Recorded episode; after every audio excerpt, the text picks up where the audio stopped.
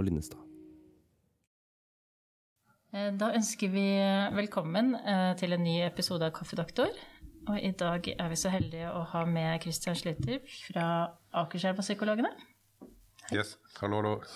Og vi har jobbet sammen eh, i Ullevål-systemet før, men eh, nå har du sviktet oss og er et helt annet sted. Men eh, ikke mindre klok. Ja, vi får se. Vi får se. Og så er Lina med fra Washington. Her er jeg. Jeg håper jeg høres over der. Ja, vi hører deg. Eh, Men vi skal snakke litt om eh, personlighetsforstyrrelser, egentlig. Mm. Fordi vi syns det er et eh, både interessant, men også et vanskelig tema. Og det har vel du også møtt litt på i allmennpraksis, Lina? Ja, jeg, eh, pasienter med personlighetsforstyrrelser har jo ikke alltid fått så veldig god hjelp, syns jeg. Eh, og, og det er jo først de senere årene at jeg syns man hører mer om at behandling faktisk fungerer. Da vi studerte, så jeg, jeg mener å huske at vi fikk ganske sånn tydelig informasjon om at dette er en eh, diagnose som vi ikke får gjort så fryktelig mye med. Ja. Men kanskje vi kan starte med litt sånn for Vi har jo alle en personlighet. Hva er liksom en personlighet, og når blir det en personlighetsforstyrrelse? Ja, det er et godt spørsmål. Eh, ja, vi har alle en personlighet. Og så da blir spørsmålet hva er en personlighet inneholder, da? eh, Av eh, områder, domener, funksjoner som vi alle har. Og som noen har i en veldig ja, funksjonell forstand. Det virker bra for seg selv og for andre. Fører en hit og dit og løser problemer og mestrer ting. Og så da har man jo disse områdene Man må bli litt enig om hvilke områder man snakker om. da. Hva er byggesteinen i en personlighet? og Sånn som samvittighet, eh, selvfølelse, empati, tilknytning, eh, evnen til å reflektere, følelsesregulering. Det er egentlig bare å liste opp. Så man har kanskje en, eh, la oss si en titt-tolv viktige områder da, som alle har. Eh, og så er det noen av de som da er i anførselstegn forstyrra, i betydningen at det er ikke utvikla til et uh, modent funksjonelt nivå. Så det opererer litt sånn inni oss og skaper trøbbel. Kommer litt tilbake til det hele tiden. eh, og gjør at livet blir vanskelig å leve, rett og slett. Både med seg selv og samarbeid og kommer overens og oppklarer ting. Og stadig vekk er det rift og trøbbel rundt forbi. Eh, Så man lider litt eh, under seg selv, at disse områdene av ulike grunner ikke har blitt tilstrekkelig utvikla. Hva, hva er årsaken til at de ikke har blitt utvikla? Eh, Ja, det er, har jo vært en historisk sett en en lidelse som har vært hekta mye på miljøet. da. Oppvekstbetingelser sant, av, av ulike grad. Før det igjen så var det foreldrestil. Men det er nok et- en forskning nå de siste 20 årene som også peker litt i retning av at det kan være en del arvelige ting. Akkurat hva man arver, ikke sant? Er det, det er blitt kalt et temperament, men hva er temperament? Er det egentlig reaksjoner? Følelsesmessige reaksjoner som man har litt til disposisjon. Så har du uflaks, så arver du litt av det av en litt ustabil far, og så skal en ustabil far hjelpe deg med å bli litt mer rolig, og det blir ikke spesielt gunstig. Og så, så får man et samvirke, da, hvor man blir behandla på en bestemt måte, og så reagerer man på den, og så kommer man i samspill, og så får man ikke noe hjelp til å modne de, de delene av en sjøl, da. Så man sleper det litt med seg. Og for noen sleper det med seg hele livet. Unnskyld, Man snakker jo ofte om at personligheten er satt, at det er en slags sånn konstant gjennom livet som ikke endrer seg så veldig mye. Eh, Og det er vel litt, når når vi også snakker om disse personlighetsforstyrrelsene som er litt mer vanskelig å gjøre noe med, eh, så, så tenker jeg på personlighet og personlighetsforstyrrelser som ganske sånne satte konstanter. Er det riktig? Ja, til en viss grad. Eh, mange vil jo, og vi selv også, kunne kjenne igjen at vi har vært stort sett den samme eh, på mange områder. Men det er også ting som, som vi har eh, utvikla oss litt ut ifra, vil jeg tro. Kan du si noe om alder, når, når det på en måte fortsatt er mer Mer å hente. ja, det, altså eh, personlighetstrekk da, eller domener eller områder kan jo, de kan jo modnes, og det er jo selvfølgelig fokuset for terapien. er jo Å utvikle disse sidene sånn at de på en måte kommer i gjenge igjen. da, Og ikke står liksom og spøler og, og, og holder deg på et litt umodent plan. Uh, så terapiene fokuserer jo på det. Uh, noe modnes jo kanskje litt også med alder. Uh, sånn at en del med dramatiske trekk kanskje går litt ned. Eh, så ting kan sementeres litt mer. Det har jo mye med hva slags type liv og omgangskrets og hva man ellers blir utsatt for, og hvilken grad man innser disse tingene og er interessert i å endre de. Eh, noen kan kanskje være plaga med sånn avvisningsproblematikk, ikke sant. Så, men så har de kanskje en, en, venn eller bekjent som er veldig veldig god på å håndtere avvisning. Og så tenker denne personen at det, det, det, det trenger jeg. Så da, da knebber jeg det og låner det Litt sånn, litt sånn modellæring. Mens andre igjen øh, fanger ikke opp den muligheten til å utvikle seg. da, Og gå mer i urettferdighet og, og krenkelser. Og, så sort-hvitt-tenkning? Ja, ikke sant. Og, så, så, det jo, har jo litt med det med utgangspunktet å gjøre òg, da. Men du nevnte så vidt dette med øh, trekk. Fordi mm. det er forskjell på å ha trekk av noe mm. uh, og ha en forstyrrelse. Ja.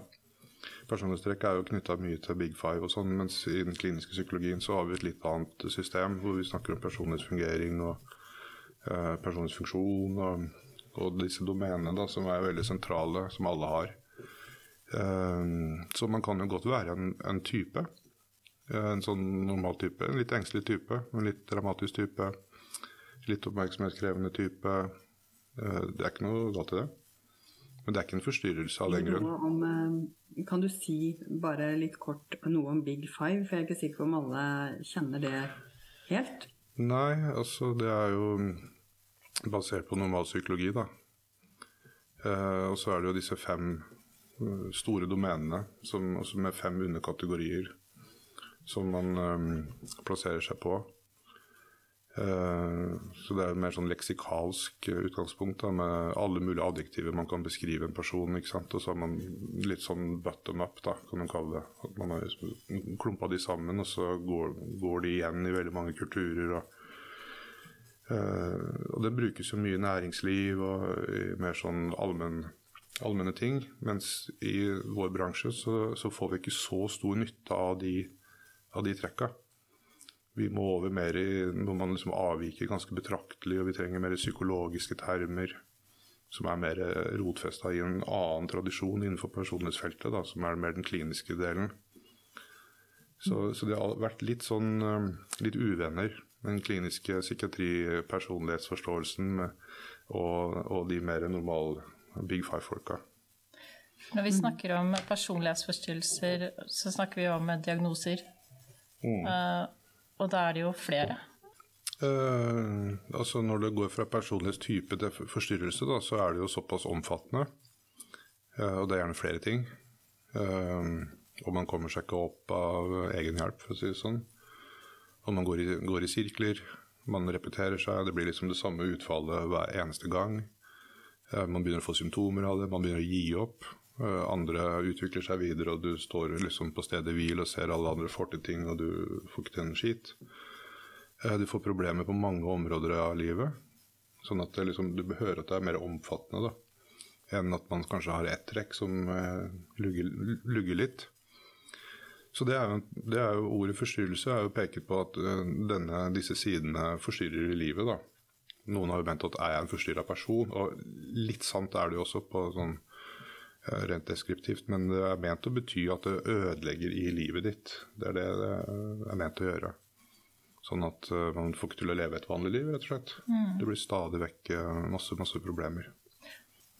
Kan du si noe om kriteriene? Fordi Kristin og jeg har kommet tilbake sammen med flere her. Mm. hvor utrolig mange diagnoser som er Diagnosekriteriene er ganske flytende. ikke sant? At man mm. ofte må se det som et kontinuum mer enn av eller på. Ja. Og det gjelder vel også veldig, i veldig stor grad for personlighetsforstyrrelser. Kan du si noe mer om eh, hva som skal til for å sette diagnosen?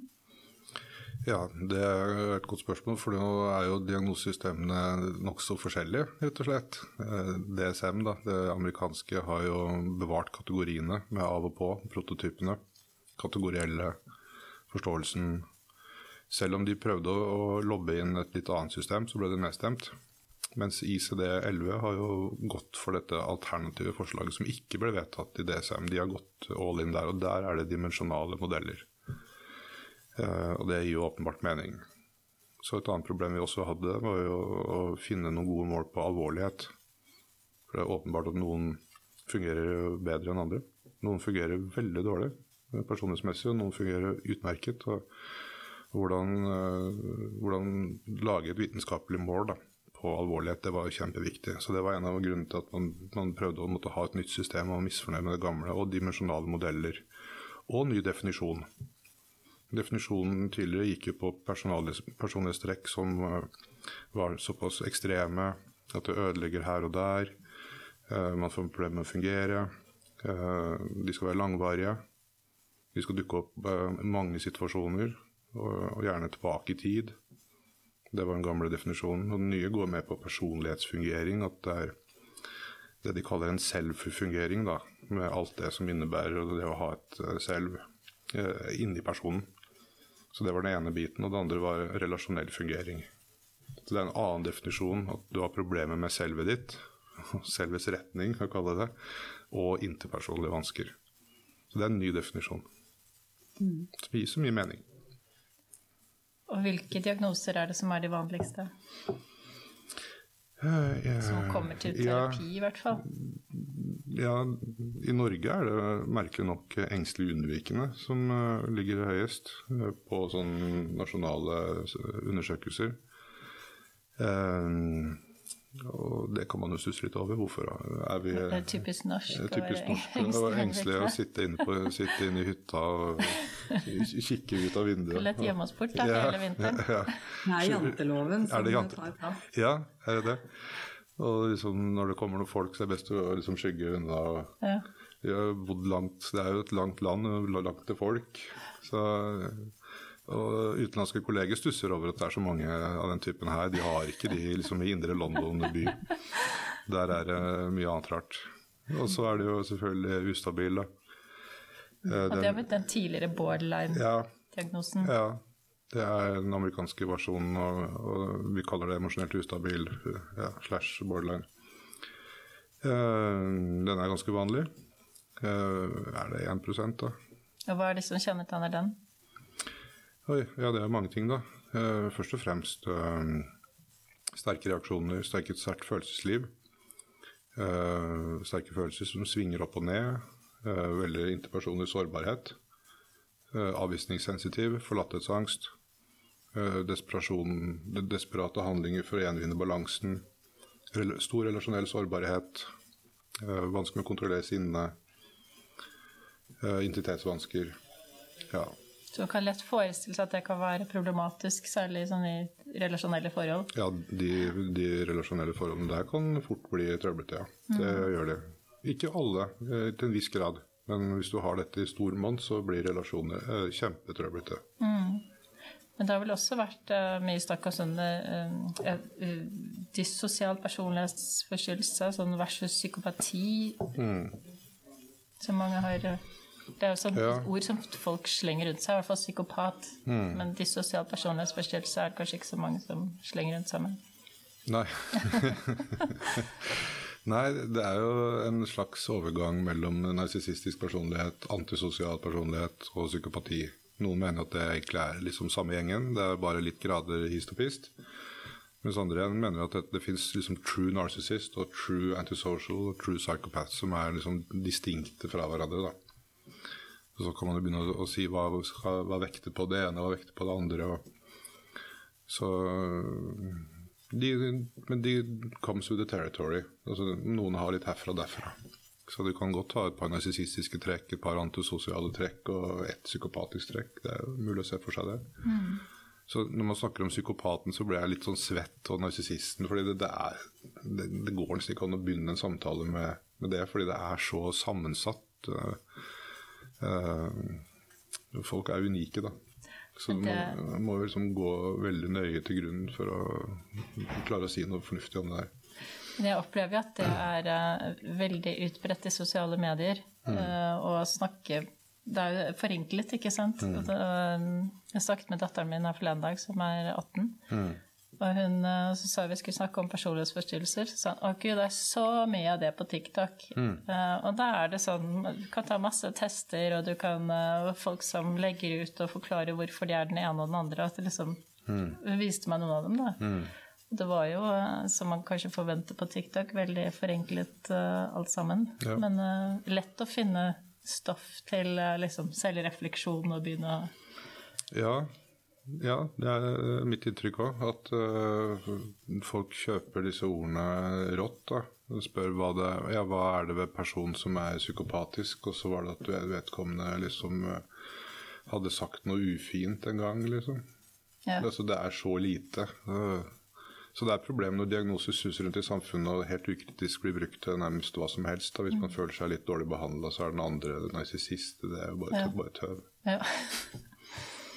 Men har du inntrykk av at det bidrar til eh, økt stigmatisering, eller det omvendte? Jeg tenker Når man snakker mye om det sånn på sosiale medier f.eks., er det sånn at da um, blir det så overfladisk at det bare bidrar til økt stigmatisering, eller det motsatte? Ja, i hvert fall ikke det motsatte. Men ja, at det skulle liksom alminneliggjøres ved å skjelle ut folk og kalle dem narsissister, det er vanskelig for å se, men Ja, for Nei, det er mer er- den utskjellingen ja. man ser. Ja, jeg kjenner ikke Nei, så godt ja, til det der. Ja, så begge deler, da. Eh, Så det er både det å diagnostisere andre, men det var også særlig jenter. Hun viste meg i går flere sånn videoer av jenter som forklarer hvorfor de har en eh, borderline personality disorder. Det var jo amerikanske, veldig mange av disse. Og så ramser de opp, da. Eh, Og også forklarer hvorfor livet er vanskelig, som jo for så vidt man kunne tenke på at det var antistigmatiserende. Men det er bare hele settingen som er rar, ikke sant. Det, det, det føles ikke som noe godt grunnlag for å trekke konklusjoner eller bli noe klokere, rett og slett. For det, det er sånn type info som du eh, Du skjønner ikke helt hva det er de egentlig prøver å si. Um, og det kan sikkert være veldig mange beveggrunner for å legge ut den typen videoer som gjør at uh, bare det i seg selv gjør det trøblete, liksom. det er jo et helt nytt fenomen uh, du beskriver, at, uh, at folk nå i større grad uh, diagnostiserer seg selv. De kommer jo ferdig diagnostisert noen ganger og sier at jeg er sånn og sånn, eller jeg har ditt og datt. Og, og sitter hjemme på PC-en og fyller ut ting og tang. Og, så folk er veldig opptatt av det. Mm. Uh, Syns du det ofte stemmer, da? Har, kommer de, og så har de diagnostisert seg selv, og så er- har de rett? Ofte, eller ikke? Nei, ikke ofte, men uh, av og til, ja. Det, det, man kan jo ha ganske god selvinnsikt og, og sånn, men problemet er at vi tenker, når de ser på kriteriene, så tenker jo de sitt om det kriteriet, mens vi tenker ofte litt annerledes. Sånn at uh, f.eks. identitetskriterier på borderline, da, så kan det jo være at øh, ja, hvem er jeg? Liksom, ja, jeg kjenner meg veldig godt igjen, jeg er veldig usikker på hvem jeg er og sånn. Og, mens, mens, mens det vi mener er jo at det er en mye større kjerneløshet for at det skal være et ordentlig problem, som gjør at det er nesten vanskelig å være med meg selv i det hele tatt og skjønne noe som helst. At det er mye kaos, og at det er ingen retning, og at jeg, jeg mangler rett og slett en identitet. Da. Så hvis man syns det er litt vanskelig å vite hvem man er, så er ikke det identitetskriteriet på borderline. Nei. Og, og sånn går det litt også på de andre kriteriene. ikke sant? At, um, men, men vår forståelse av oss selv må jo gjerne gå litt sånn gjennom verden. Vi må liksom høre at andre beskriver det litt sånn, og så kan vi kjenne oss igjen. La oss si man snakker om kjærlighetssorg og kjempekjærlighetssorg, og så hører man om andre som også har kjærlighetssorg, og så finner man litt ut at det var litt det jeg hadde. Ikke sant? Eller litt, det var ikke helt det jeg hadde.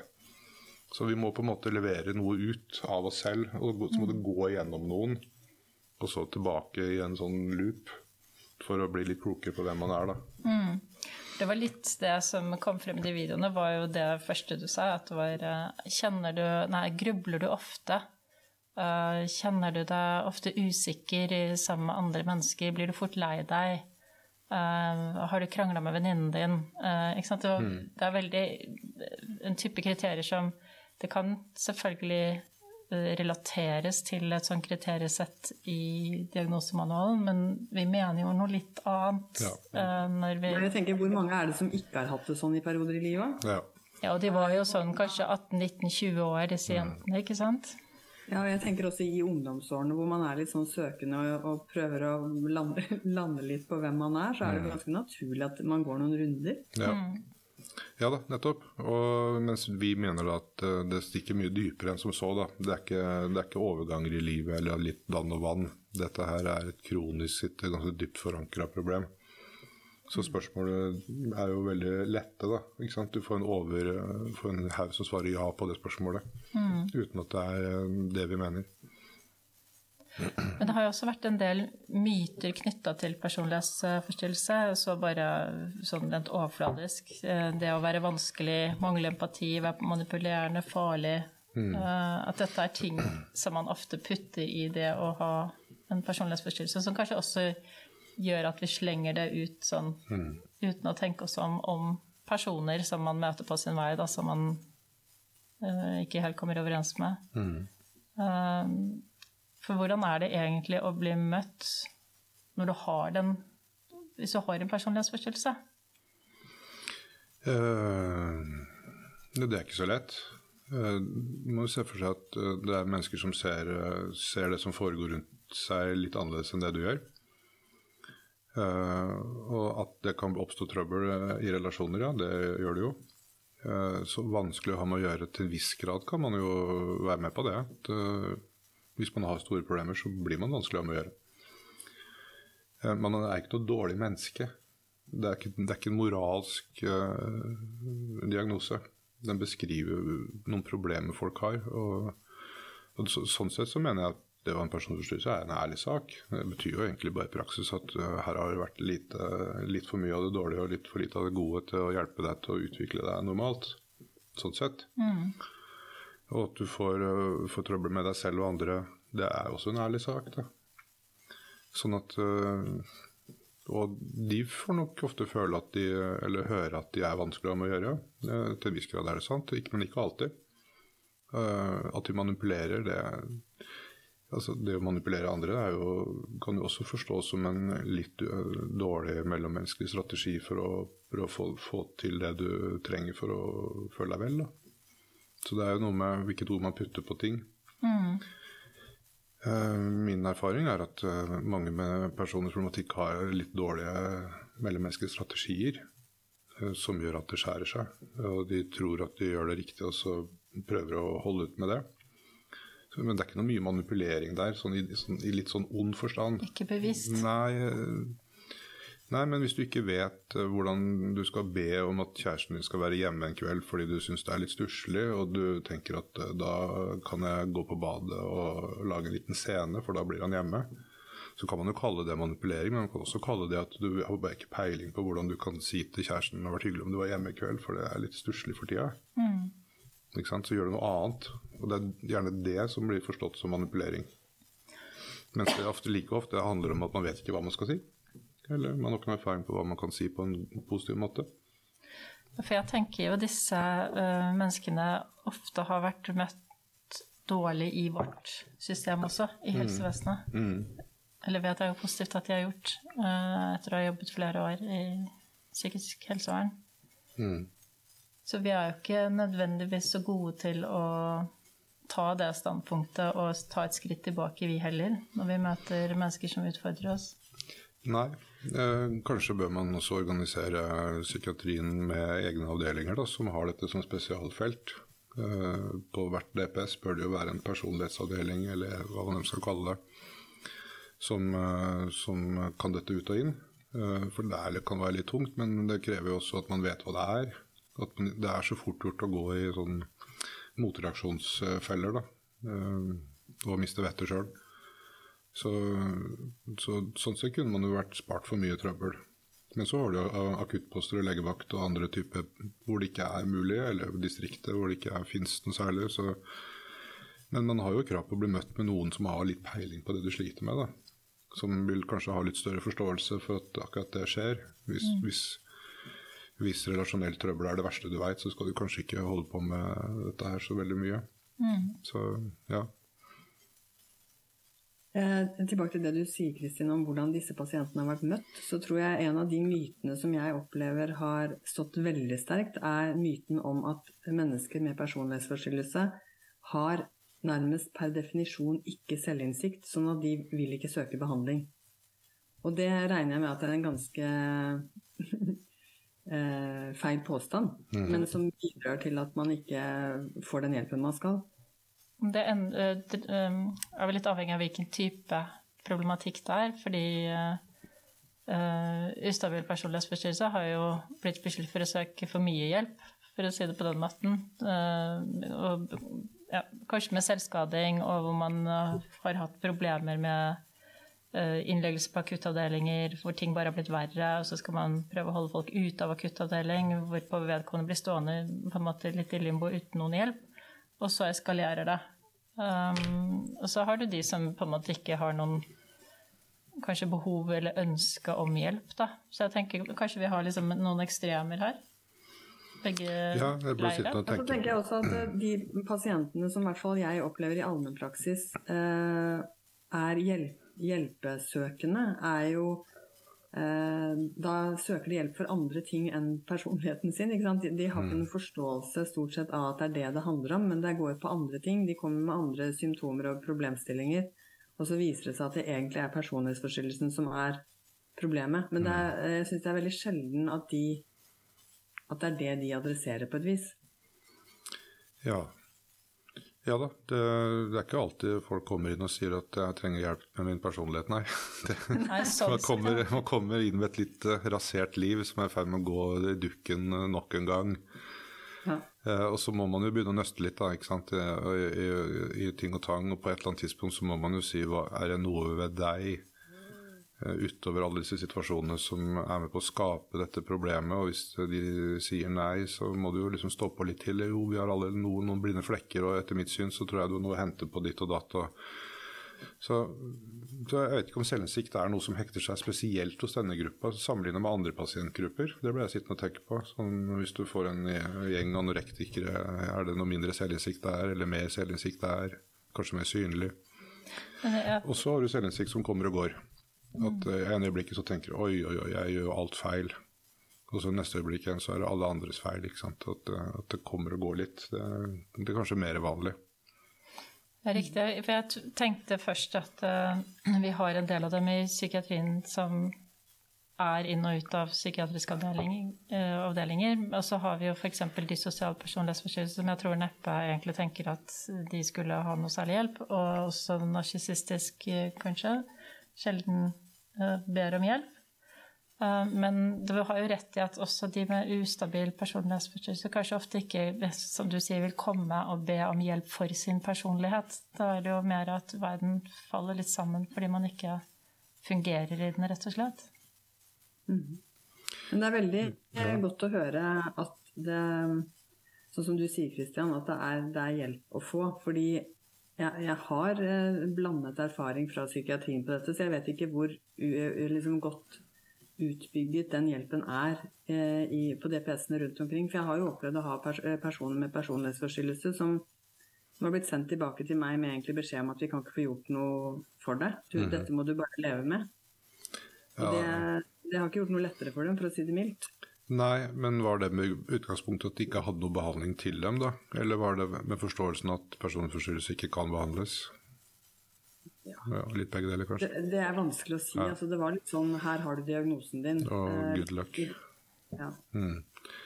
Nei, men mitt, uh, mitt, inntrykk er at alle DPS-ene nå i Norge vet jo om at dette er en stor pasientgruppe, men de, de lurer på om har vi noen mulighet til å gjøre noe for dem, i så fall hvem og på hvilken måte. Eh, så er allmennpolet overfylt, men det er jo overfylt også, mange med personlighetsproblematikk. Eh, så hvis de har mulighet til å kunne ha en liten, liten PF-avdeling som har dette som sitt spesialfelt, så tror jeg alle DPS-ene Og det, mitt inntrykk er at de har det nå. På sentrale Østlandet er det jo nesten alle DPS-ene har Nå heter det gruppeenheter, men det burde jo bare hete personlighetsproblematikk eller noe sånt som man veit Men det skal være veldig mye komorbiditet. altså Det må vel være veldig mange med personlighetsforstyrrelser som også sliter med angst, som også sliter med depresjon. Mm. Altså og, og, de blandingsbildene gjør jo at det sikkert er vanskelig å, å, å, vite hvor de på en måte hører hjemme.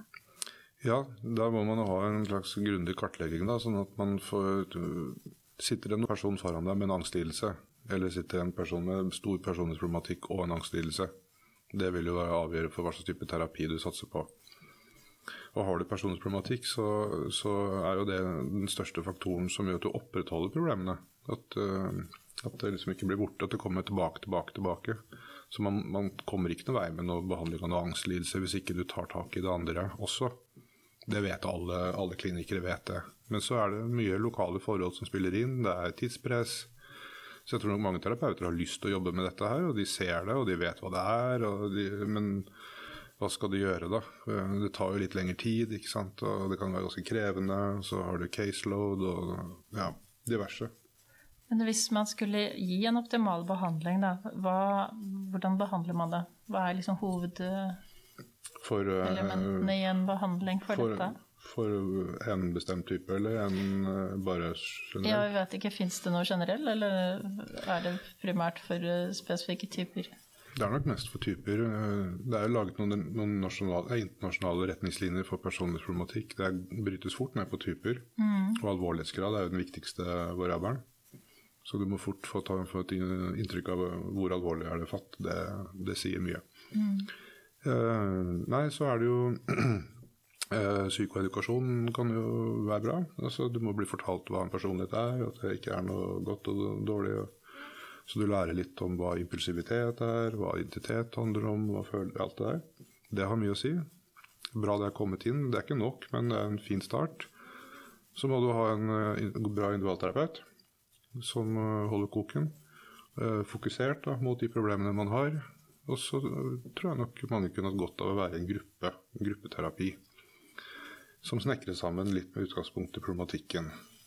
Som har litt samme typen mennesker, eller med samme ja, problemstillinger ja. i samme gruppe? Hvis du, hvis du har en ganske, ganske god personlighetsfungering, da, eller moderat, så kan du nok gå i en vanlig gruppe med litt forskjellige folk. Men har du en alvorlig personlighetsforstyrrelse, tror jeg nok du har godt av å være sammen med andre som er litt i samme båt. Så da, og det er jo Både DBT og MBT har jo laga ganske omfattende behandling, behandlingsprogram. Dialektisk atferdsterapi og mentaliseringsbasert terapi fins jo overalt, egentlig. Det er øh, øh, snakketerapier. Ja, DBT har jo også mye ferdigheter og hjemmelekser og litt sånn. Det har ikke MBT, men stort sett så sitter man og snakker og må lære seg å utvikle seg. Forstå seg sjøl bedre og utvikle seg. Personlighetsutvikling, sånn i litt vid forstand. Litt ulikt fokus. Og da bruker man kanskje gruppa også da, til å speile seg i. Du får jo på en måte øh, noen som kan gi tilbakemeldinger. Ja, det er masse bra med, med gruppeterapi. En un, veldig undervurdert eh, behandlingsform. Litt komplikert, men øh, får man det til å svinge, så det, skjer det ting der som du bare kan glemme på individualterapien. Så, men da må de snekre sammen, eh, litt avhengig av pasientpopulasjon, alvorlighetsgrad. Så man må, lære seg litt hvordan dette gjøres. da. Da tenker jeg liksom mest på ustabil personlig personlighetsforstyrrelse, for man har jo ikke noe erfaring med å sette en gjeng med narsissister i, i, i, gruppe. Men man har god erfaring med antisosiale. De, de signer opp i gruppe. Det er riktig. Ja, De har ikke noe mye skrupler med det. Gruppeterapi, ok, greit. Og så er de i gang. Så de har sansen for hierarki, vet du. Ja. De har vært med en gjeng, så kommer terapeuten, er sjefen. Ja. Og det er liksom, så de kjøper den. Så man innordner seg? Ja, innordner seg. Ja, ja, ja. En stund. Men er det, er det noe særlig tilbud om eh, terapi for ja, Kanskje i fengselet? Mm. De har jo en del eh, problemstillinger rundt det, kanskje? Ja, i fengselet har de forskjellige programmer. Det mest kjente er vel sånn sinnemestring. Mm. Um, Alternativ til vold har jo sikkert uh, sitt. og Det er nok kanskje neste pasientgruppe man burde kikke litt nærmere på. Kanskje ikke alle egner seg, men en god del tror jeg nok kunne fått det mye bedre. Også med litt lengre tidsterapi. Med den man si noe generelt om tidsaspektet på behandling? Jeg skjønner at det er sikkert veldig store individuelle forskjeller, men Går det an å si noe om Ja, har du en alvorlig personforstyrrelse, så må du i hvert fall signe opp to-tre år. Ja. ja. Minimum. Men moderat så tror jeg nok man skulle komme av gårde bra gårde med sånn ett og et halvt eh, Og med litt oppfølging, kanskje. Sånn uh, at du ikke blir skrevet ut, men at du kan komme en gang i måneden hver sjette uke hvis det er noe. Det er jo fordelen med oss i det private. De kan bare sende en mail, og så får de time i morgen, liksom. Mens i det offentlige så er det jo litt mer kronglete med henvisninger. Og, så at man lager det offentlige litt mer fleksibelt noen ganger, mm. tror jeg hadde vært veldig nyttig for en del leger som trenger litt oppfølging. Jeg tenker at det gjelder for ganske mange av våre pasienter. Ja. Sånn, så dette, er jo, dette, er jo, personer som virkelig har det skikkelig dårlig. Ja. Uh, og som hvis de ikke får hjelp, så fungerer jo ofte de rundt dem også dårlig. Mm. Uh, at vi har den der regelen hos oss om at uh, man har liksom et forløp, og så er man på hodet ut, istedenfor å kunne holde det åpent. Sånn at mm. man kan liksom få en booster session etter mm. tre måneder og bli, vet at det er en vei tilbake hvis man får det skikkelig dårlig. At du ikke skal hele veien rundt om deg, Lina, uh, for å komme inn igjen. Jeg, jeg, skjønner ikke at ikke det er mer kosteffektivt mm. enn ja. sånn som vi gjør det nå. Mm. Nei, og Det gjelder jo tenker jeg, utrolig mye i psykiatrien. De pasientene jeg har med ulike diagnoser i psykiatrien, som har eh, en behandler som har et sånt tilbud. Og det fins jo noen av dem som sier at eh, hvis du kjenner behovet, så skal du slippe å henvises på nytt, men du kan bare ta kontakt med meg direkte, så tar vi en boost, på en måte. Mm. Det er så effektivt, det. Mm. Det er ikke så mye som skal til. Nå, nå, det som detter ned i hodet på meg nå, er jo først og fremst egentlig angst og depresjon. Men jeg ser at de pasientene har så god effekt av bare å vite at de har den psykologen tilgjengelig. Mm. Mm. Det er min erfaring, òg. Mm. Men det er veldig rart, for argumentasjonen er jo at ja, men vi, eh, hvis det er lang tid imellom hver gang du ser, på, ser pasienten, så kan de jo finne på å gjøre hva som helst. Og da skal ikke vi sitte med ansvaret for det. Men, så det er åpenbart liksom bedre at vi ikke har ansvaret, men pasienten kan få det skikkelig dårlig og faktisk finne på å gjøre hva som helst. Men da er det ikke vårt ansvar. Så det er jo en sånn mm. logikk som uh, ikke egentlig hører hjemme noe sted. Mm. Altså, som det ikke burde være så veldig vanskelig å forholde seg til. at sånn, Hvis du kjenner Per fra før, så tar det deg to sekunder å skjønne at Per har det dårlig, men det tar en helt ny person kanskje flere henvisninger og runder hos fastlegen. og ja, det er ikke mye mm. kostnadseffektivt, altså. Nei. Nei, det er ikke det. Og, så det burde vært, kunne vært gjort på en, en, veldig lett måte. For folk er det veldig viktig hvis de har en god terapeutrelasjon. Jeg skal ikke kimse av det som har kjent dem i lang tid. De vet godt hvem onkel Terje er, og bakgrunnen, og kan gå rett på sak. At nå har det skåret seg der. Ja, liksom, dette har vi vært gjennom før. Vi vet hva som funker, og man kan rett gå igjen og begynne å snakke om noe, hvordan dette kan bli bedre. For dette er vel også mennesker som ofte har veldig dårlig tilknytning, holdt opp selv, og opplevd, mange av dem har opplevd traumer, har opplevd svik, har eh, vanskelig for å stole på folk, da. Det kan det være, og at det er litt tynt, litt sparsomt, ja. Mm. Med folk som de kan henvende seg til eh, som, med, sånn med stort og smått. Og noen ganger så kan man ikke henvende seg til dem fordi de ikke fins, eller at de fungerer dårlig, men også fordi man vil skåne familien sin og snakke med noen ut, ut, utenfra. Mm. Så det er mange grunner til at man kan, burde vært litt mer fleksibel. Mm. Skal vi se, vi nærmer oss slutten her. Eh, men hvis du skulle sagt eh, noe til helsepersonell da, eh, om hva de bør tenke på i møte med denne pasientgruppa? Ja, jeg er veldig nysgjerrig på det, sånn, Hva tenker du som tommelfingerregel til en fastlege om dette? Hva, liksom, hva er, når er det du tenker det er lurt å henvise for hva? ja uh, Nei, Man bør jo henvise hvis det fins behandling for det. Det er godt for fastleger å orienteres litt om hva som fins. Sånn at Der har de DBT, i Moss har de både DBT og MBT, i Halden har de det. Fredrikstad starter opp nå, ikke sant? Eh, hit og dit på Follo. Eh, sånn at man har litt know-how, og gjerne litt sånn street smart i forhold til å kunne se for seg hvor personer kan eh, henvende seg. Så det å orientere seg litt om tilbud, bruke litt tid hvis man har det. Noen har jo veldig dårlig tid, noen har litt bedre tid. Snakke opp, snakke opp behandling, snakke opp håp. Eh, det, det, må med. Eh, men også tørre å kalle en spade for en spade. Da. Si at eh, jeg tror du har noe å hente på ditt og datt. og så kan jeg fikse med ditt og datt og litt andre ting, og sånn, og at det er mulig å utvikle seg. og så er det gode prognostiske faktorer, da, sånn at man har selvinnsikt, eller at man har lyst til å endre noe, eller at man er veldig lett å like, at man har humor, at man har mye i livet som er bra. Alt dette her kutter jo ned behandlingslengde. Jo mer du har på plass, jo kjappere. Du skal ikke tilbringe fire år i gruppeterapi liksom nødvendigvis. Så det er liksom noe med å se for seg at hvis du jobber litt hardt med deg selv og tar dette på alvor, så er det mulig å riste av seg ganske mye av de greiene her. Da vil det bli bedre. Mm. Så det kan man gjøre. Um, Dere har jo kontakt med, de, med disse, men- disse folka i årevis og kjenner dem godt.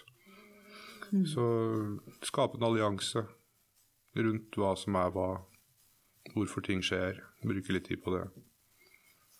Uh, og så er det no Som du sier, å gi et håp er jo kjempeviktig. Ja, uh, og så er det kanskje ikke alle som er psykoterapikandidater, da. Det må man også kunne se for seg, at noen, øh, noen har vært der i psykiatrien i 20-30 år. og Er det noe annet som skal, må, må du leve litt med, med ting, et godt liv? Er Mer sånn støtteorientert terapi, sånne ting vil jeg tenkt, tenkt litt på.